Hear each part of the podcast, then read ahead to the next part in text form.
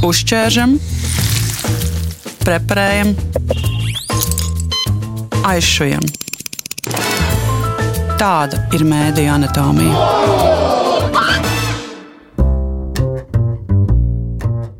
Šodien raidījumā valsts svētku priekšvakarā runāsim par vārda brīvību. Mūsu valsts viens no tiesiskajiem pamatiem un arī no mēdīju darba stūrakmeņiem. Mani sauc Dace Krejere, un manā studijā šodien par šo tēmu esmu aicinājusi runāt advokāti Gabrielu Šantari. Sveika! Gabriela. Labdien! Aicinu parunāt šobrīd uh, par tendenci, parādību, kas vērojama ir arvien biežāk, bet kas ir pietiekami jauna. Tā ir tāda parādība, tiesas process, kur mērķis ir aizbāzt muti mēdījiem, bet ne tikai mēdījiem, arī sociāli aktīviem cilvēkiem, nevalstiskām organizācijām, kas runā par neērtām lietām. Tā ir strateģiskā tiesvedība, jeb slep, vai ne? Varbūt tad sākam nu, šķetināt šo jautājumu no tā, kas tad ir slep un par ko mēs runājam. Jā, slep, man liekas, jau pats nosaukums vai tā abreviatūra ļoti zīmīga. It īpaši no angļu valodas raugoties, tā nu, ir tāda pļauka sejā, vai ne? Ka pret eh, žurnālistu vai viedokļu paudēju, vai pat nevis viedokļa, bet eh, patiesībā tādu patiesības paudēju brīžiem eh, vēršas, tāpēc ka viņš paceļ kaut kādu jautājumu gaismā vai dienas kārtībā. Nu jā, slep tiesvedības vai strateģiskās tiesvedības pret sabiedriski aktīvu domu es teiktu, tā ir eh, jauna parādība Eiropā, ne tik jauna globāli, bet tā ir sasniegusi tādu kritisko punktu, kur nu jau arī Eiropas Savienības līmenī un Eiropas padomas līmenī ir vēlme šo jautājumu kaut kādā mērā regulēt vai vismaz padarīt eh, redzamu, atpazīstamu tiesību piemērotājiem, lai mēs zinām, ka tā arī izmanto tiesiskus līdzekļus, lai tomēr kavētu kādam citam darbu. Nu, lūk, tātad slapa tiesvedības mērķis, kā jau jūs minējāt, ir uh, apklusināt uh, žurnālistu vai kādu citu informācijas paudēju. Un šī apklusināšana notiek uh, patiesībā tiesiskā veidā ar demokrātiskiem līdzekļiem, iesniedzot prasību tiesā vai vēršoties ar sūdzībām uzraugošajās iestādēs.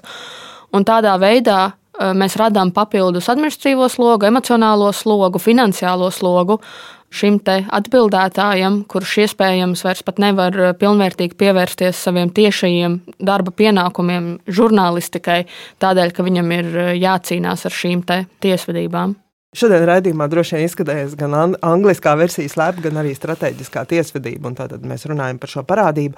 Bet jā, varbūt sākumā, kurā brīdī par to sākām mēs runāt, ka tas nav kaut kas tāds nejaušs un tikai kaut kāds viens vai divi gadījumi.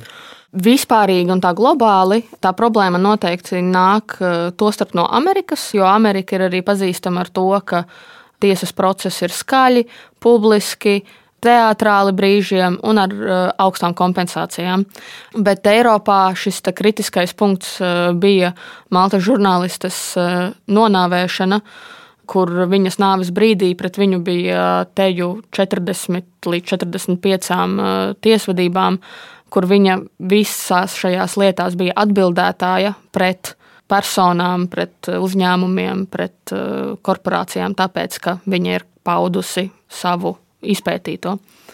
Lūk, un, un pēc viņas nāves nevalstiskās organizācijas žurnālisti apvienojās šajā cīņā un uzsāka tādu lielu lobija eh, darbu, lai panāktu, ka žurnālisti netiek eh, apgrūtināti ar šīm tiesvedībām.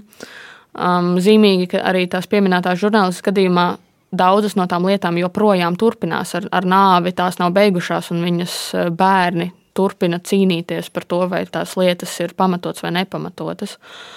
Šobrīd eh, Eiropas Savienība ir izstrādājusi direktīvas priekšlikumu, un, ja to regulu pieņems atkarībā no tās satura, Latvijai to starp šī direktīva būs jāievieš nacionālā līmenī. Tādā politiskā līmenī ir skaidrs, ka atbalsts šim slap eh, direktīvai ir, kas nozīmē, ka visticamāk tuvākā, es teiktu, pusgada laikā viņu varētu pieņemt. Un tad uh, ieviešanas termiņš ir divi gadi. Um, tad, uh, nu, es teiktu, jā, šajā laika posmā mums uh, iespējams sagaida tādas būtiskas izmaiņas, cerams, ka uz labu, un cerams, ka plašāk nekā pati direktīva par to runā.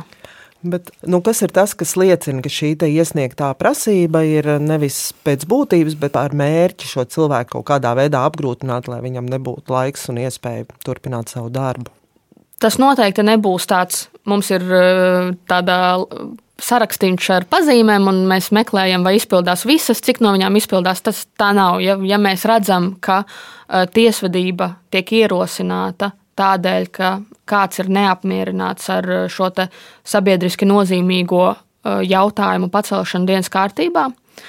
Ja mēs redzam, ka patiesībā kaut kādi iespējamie kaitējumi, uz kuriem atsaucās šis prasītājs, ir eh, ļoti formāli, ka īstenībā tur nav nec kaitējuma tādā reputācijas vai goda un cieņas aizskāruma ziņā, tur nav zaudējumu, nav peļņas zudumu.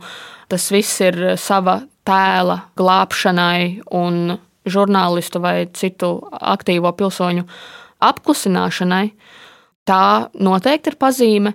Pazīme ir arī pats tiesvedības process, kāds tas ir. Vai prasītājs ir ieinteresēts ātrā jautājuma izskatīšanā, vai gluži pretēji viņš ir mērķēts uz procesa vilkšanu, uz tādas negatīvas publicētas par šo eh, radīšanu, runāšanu. Es rekur jūs eh, tulīt eh, iztiesāšu un jums parādīšu savu vietu. Uh, noslogošanu ar lietas materiāliem, ar kuriem ir jāiepazīstās prasītājam eh, un jāatbild uz tiem, uz visiem iebildumiem. Un, eh, jā, visbiežāk eh, tā problēma ir tajā, ka tie prasītāji viņiem resursu netrūkst. Un viņi spēj noalgot juristus, advokātus, viņus pārstāvēs un darīs to tikmēr, kamēr tam atbildētājiem resursi var beigties. Parādās arī tas, ka šīs prasības ir individuāli bieži vien, ka tā nav piemēram pret uh, visu mēdīju, bet pret konkrēto žurnālistu. Jā, un tas ir ļoti interesants jautājums, jo patiesībā mūsu likums paredz, ka medijs ir atbildīgs. Nu, Protams, kā redakcija ir atbildīga par publicēto vai par pausto uh, vārdu. Līdz ar to ir ļoti interesanti, ka turpina vērsties pret žurnālistiem un ka tiesas pieņem šādas prasības. Jo, ja tas tiešām ir kā daļa no nu, tādas lielākas mediju organizācijas, tad eh, pats žurnālists par to neatbild. Un patiesībā tādas lietas būtu izbeidzamas, jo tās nav celtas pret īsto atbildētāju. Tā noteikti ir pazīme, un tas eh, atkarībā no mēdīju arī integritātes un spējas izturēt un stāvēt pretī šādām prasībām var radīt situāciju, kurā žurnālists tomēr paliek pats par sevi un viņam ir jāaizstāv sevi pašam. Tas juridiski ir sarežģīti. Visnotaļ, ja pretī ir eh, advokātu pūlis, kas apber ar eh, dokumentiem un argumentiem, un pat ja tā nav patiesība, tas kaut kā ir jāatspēko. Jo tam arī ir blakus šis PR aspekts, ka par to tiesas prāvu tiek daudz runāts. Tieši tā. Tas nenotiek klusā. Tieši tā, jo viņi jau nav ieinteresēti panākt savu patiesību, kaut kādu atvainošanos, ziņas atsaukumu. Nē, viņus interesē tāds publisks process, rekur, kā mēs cīnāmies par savu taisnību. Rezultāts varbūt nebūs viņiem labvēlīgs, bet viņi būs panākuši tādu vizuālu vai šķietamu publisku saturu par to, ka viņi ir cīnījušies par savu reputāciju, piemēram. Un arī strateģiskās tiesvedības uh, procesiem ļoti raksturīgs, ka šīs tiesas notiek uh, ārpus tās valsts, kur, piemēram, šī žurnālisti ir strādājuši, šī pārobežu tiesāšanās, ka tas arī kā tendence, kas parādās un to raksturo. Tās situācijas ir dažādas, bet es teiktu, ka Latvijā drīzāk problēma būtu nacionālās tiesvedības, eh, un mums tas pārobežu raksturs varbūt nav tik kritisks, kā tas ir citās valstīs. Un tā ir tāda maza, es negribu teikt, problēma, bet eh, tā ir nianse, kas ir jāņem vērā, eh, vērtējot tagad šo mm, slabu direktīvas priekšlikumu, jo tā attieksies vienīgi uz šiem pārobežu strīdiem, kas nozīmē, ka likumdevējs Latvijā ieviešot šo direktīvu, var uz šo jautājumu palūkoties ļoti šauri un pateikt, jā, šī ir pārobežu strīdu problēma. Mēs paredzēsim kaut kādus noteikumus, kā ar šādiem pārobežu strīdiem mēs tiekam galā, bet absolūti noignorēt to, kas notiek eh, nacionālā līmenī. Man šķiet, tā būtu lielākā netaisnība, ņemot vērā, ka mums tomēr tie strīdi, ja viņi ir, tad viņi visdrīzāk būs nacionāli. Nu, droši vien tad eh, šobrīd raidījumā ir pienācis brīdis pašķitināt šo konkrēto piemēru. Pašlaik Rīgas rajona tiesā ir tātad tabaks izstrādājuma vairuma tirgotāja prasība par 5000 eiro morālu kaitējumu piedziņu saistībā ar reputācijas aizkarošanu, nepatiesu ziņu izplatīšanu. Un atbildētājs šajā lietā ir Rīgas austrums slimnīcas plaušu ārsts Alvis Krams. Tad uh, ir konkrēts stāsts par vienu sižetu, ko veidojuši mūsu kolēģi no Ruselas MLV. Viņi tad šajā sižetā mēģināja pievērst uzmanības bezdūmu e-cigarešu tirdzniecības pārkāpumiem. Sižetā ārsts uzsvēra, ka e-cigaretes tad ir bīstams, smēķēšana var izraisīt priekšlaicīgu nāvi. Savukārt uzņēmums uzskata, ka strīds nav par smēķēšanas kaitīgumu, bet par zīmolu, tieši šī konkrētā zīmola biežu pieminēšanu sižetā. Jā, šo spriedumu mēs gaidām, bet mēs par šo gadījumu, kas šobrīd ir aktuāls, mēs varam runāt, ka jā, tas ir slēpts. Konkrētā situācija slēp eh, pazīmju ietvarā varētu tikt uzskatīta par slapu eh, tiesvedību, jo mēs redzam, ka vēršas pret ārstu, nevēršas pret eh, mediju, nevēršas pret Ruseles M. Nebūtu netipiski vai neierasti. Un es negribu um, radīt iespēju, ka vērsties pret mediju nav vispār pieņemami nekādā situācijā ir skaidrs, ka arī mediji kļūdās, žurnālisti var kļūdīties, un tas ir normāli, ik viens no mums kļūdās. Un tāpēc ir paredzēts mehānisms, kā mēs ar šīm kļūdām tiekam galā. Viena no izpausmēm ir vēršanās tiesā, mēs lūdzam atvainošanos, mēs lūdzam atlīdzību. Tas viss ir pieņemami. Ir nepieņemami, ja mēs tomēr kaut kā mēģinam iet tieši pie šī ārsta, ja mēs neejam pie medija, nelūdzam mediju atbildību.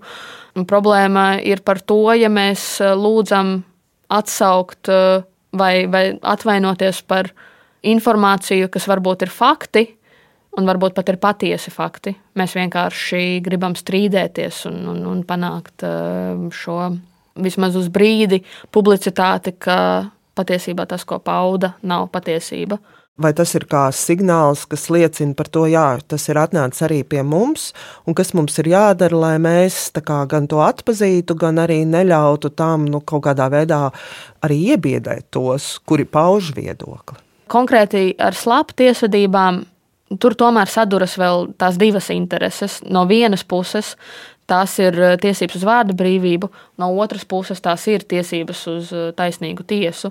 Tur ir jābūt niansētai pieejai. Katrs gadījums tiešām ir jāvērtē individuāli, jo liekt arī uzņēmumiem vai personai vai, vai tur, nezinu, politiķim tiesības vispār strīdēties par arī pausto, ja tas tiešām nav bijis korekti. Tas tā vienkārši nedrīkst būt. Līdz ar to šim balansam ir jābūt. To visticamāk pēc regulējuma pieņemšanas vērtēs tiesa, kā pirmie tāds eh, bastions, lai vispār secinātu, vai tā ir eh, strateģiskā tiesvedība. Un, ja tā ir, vai tā ir pelnījusi šīs lietas tādu ātrāku izbeigšanu. Nav jābaidās runāt par to, ka šīs eh, prasības pret žurnālistiem ir iesniegtas. Tas noteikti tādam domājošam cilvēkam nevajadzētu uzreiz radīt priekšstatu, ka mēdījis ir slikts. Tas drīzāk vēl vairāk manā ieskatā pievērstu eh, sabiedrības uzmanību tam sākotnējam strīdus eh, punktam, par ko tad ir bijis eh, šis iebildums, un, un paskatīties ar savām acīm, vai tiešām es uzskatu, ka tas žurnālists ir rīkojies vai, vai mēdījis rīkojies nekorekti. Uh, Paldies, saku advokātei Gabrielai Šantarei, kur mūs izveda caur strateģiskās tiesvedības labirintu, un mēs mēģinājām kopā ar advokātu palīdzību saprast, kas tad ir šī jaunā parādība, kas ir eh, ne tikai mēdīja, bet vispār sabiedriski aktīvu cilvēku redzeslokā. Un eh, mēdīja anatomiju šodien veidojas Dārts Krejere un Reinis Budze, bet jau nākamajā nedēļā raidījumā Mēdīja anatomija mēs runāsim par to, kas tad notiek ar sociālo tīklu Twitter pēc tam, kad to iegādājās piedalījās Ilons Masks. Paldies par klausīšanos un tiekamies jau nedēļu. Uzķēršam, preparējam, aizšujam. Tāda ir mēdīņa anatomija.